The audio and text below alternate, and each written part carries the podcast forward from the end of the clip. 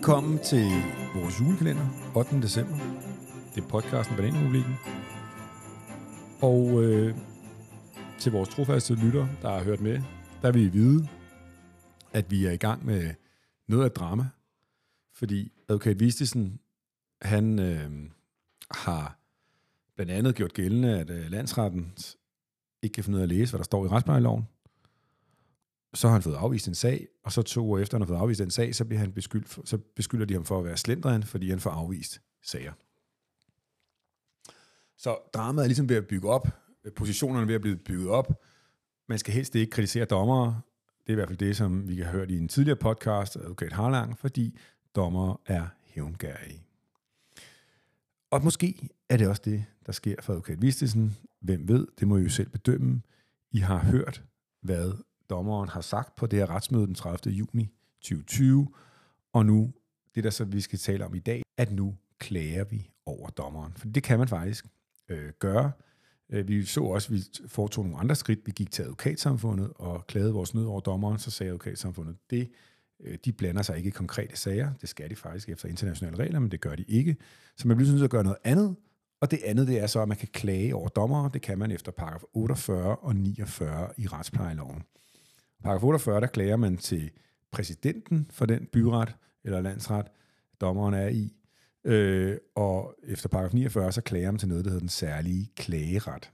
Og det var det sidste, vi gjorde over den her dommer. Vi klagede til den særlige klageret, fordi at, som I øh, nok har hørt, så øh, mener vi, at hun sagde, at det var advokat Eduardo Vistisen, han havde udvist slendrian. Og det klager vi så over. Øh, og det er ret simpelt at klage til den særlige klageret. Man sender bare en mail. Man skal bare huske at gøre det inden for fire uger fra den øh, udtalelse, som det typisk er, som dommeren er fremkommet med. Det er jo ikke det samme at klage over dommer. Det er ikke det samme som at klage over selve sagen. Det at klage over sagen, det er noget andet. Klager man til domstolen der, eller anker en sag. Det at klage over en dommer, det er typisk, fordi dommeren har ageret på en særlig uhensigtsmæssig måde, sagt noget, der ikke er i orden, øh, eller noget i den stil, været meget, meget langsom med sagsbehandling, for eksempel.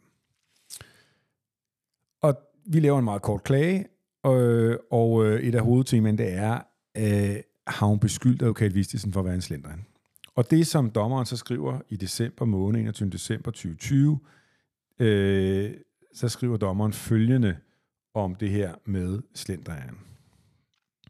Efter en længere drøftelse om det rimelige eller urimelige i de frister, som jeg i mellemtiden havde fastsat, sagde jeg noget i retning af, at parterne, at parterne ikke skulle forvente, at hovedforhandlingen ville blive omberegnet, og at denne sag nu skulle på skinner. Og der i den forbindelse ikke var plads til slendrian, i den almindelige betydning, ineffektivitet eller langsomlighed.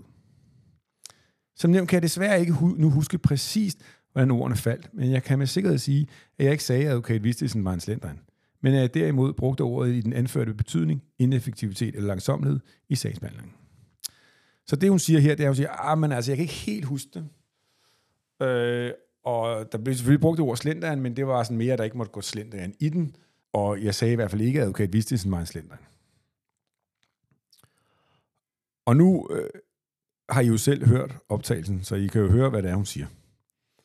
Øh, og det, der er spørgsmålet her, det er, at når man klager over en dommer, over noget, der er passeret, noget, der er blevet sagt, så er det faktisk stort set umuligt at bevise. Fordi det er dommeren, der bestemmer, hvad der er sket på, på sådan en retsmøde. Det er dommeren, der skriver ned, hvad der er sket. Øhm, og det er ikke øh, muligt at dokumentere det på anden vis. Så kan man føre vidner omkring det, men det er ikke altid, der er vidner. Det er også svært for dem at huske, hvad der er sket, og man får ikke lov til at føre vidner ved den særlige klageret. Det er stort set umuligt. Den proces, der foregår der, det er nærmest øh, rent skrift. Det er som udgangspunkt kun rent skriftligt grundlag. Der står godt nok i loven, at politiet kan være med til at afdække, hvad der er sket, men det er ikke en regel, der bliver brugt i praksis overhovedet, så det at klage over dommer, det er en ren skrivebordsopgave. Og det, der er problemet her, det er, at man klager altså over, at dommeren har sagt noget i retning af, at øh, advokaten øh, er en slenderen, og så siger dommeren, ah, at jeg kan ikke rigtig huske det. Øh, det faldt lidt på en anden måde, det var sådan lidt mere overordnet. Øh, og jeg har i hvert fald ikke sagt, at advokaten var en slenderen.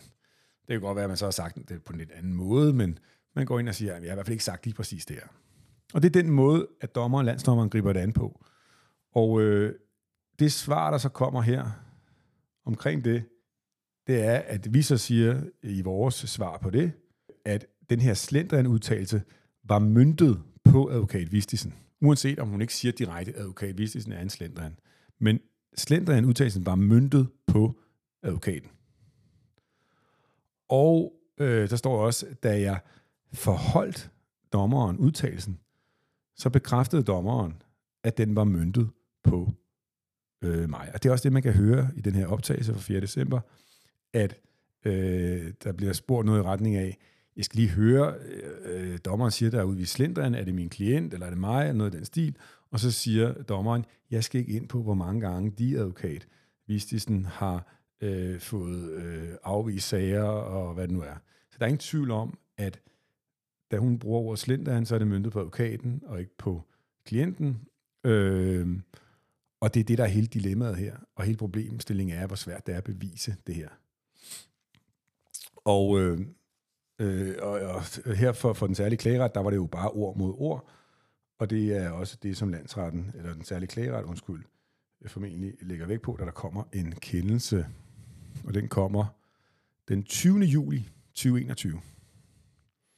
Og den er meget klassisk for sådan nogle kendelser fra en særlig klageret. Super korte, og øh, faktisk vil jeg sige, øh, meget i overensstemmelse med det, vi kalder svinestreg nummer et, fordi der ikke er rigtig nogen begrundelse. Så står jeg, klagen finder, klageretten finder efter gennemgang af sagen ikke grundlag for at antage, at landsdommer Benedikte Holberg under udøvelsen, udøvelsen af sin embedsvirksomhed har udvist usømmeligt eller utilbørligt forhold og afviser derfor klagen. Der står ikke rigtig noget. De siger, at vi har gennemgået sagen, og vi mener ikke, at hun har udvist forsømmelighed. Der er ikke nogen begrundelse for, har man lagt vægt på, hun sagde slenderen, eller mener man ikke, hun sagde slenderen, og hvordan faldt det? Var det myndet på advokaten? Var det ikke? Nej. Ingen begrundelse for det her. Og det er helt sædvanligt i alle de her sager for den særlige klageret, når vi har fået agtensigt i dem, at man begrunder dem ikke. Og de er jo også, det er jo også sager, som ikke bliver offentliggjort. Så de ligger helt hemmeligt, når man klager over, øh, over dommer. Der er ingen, der ved, hvad der foregår. Øhm, nå, men vi stopper ikke her, fordi vi klager selvfølgelig til højesteret. Vi går videre, og det er det, vi skal høre om i næste afsnit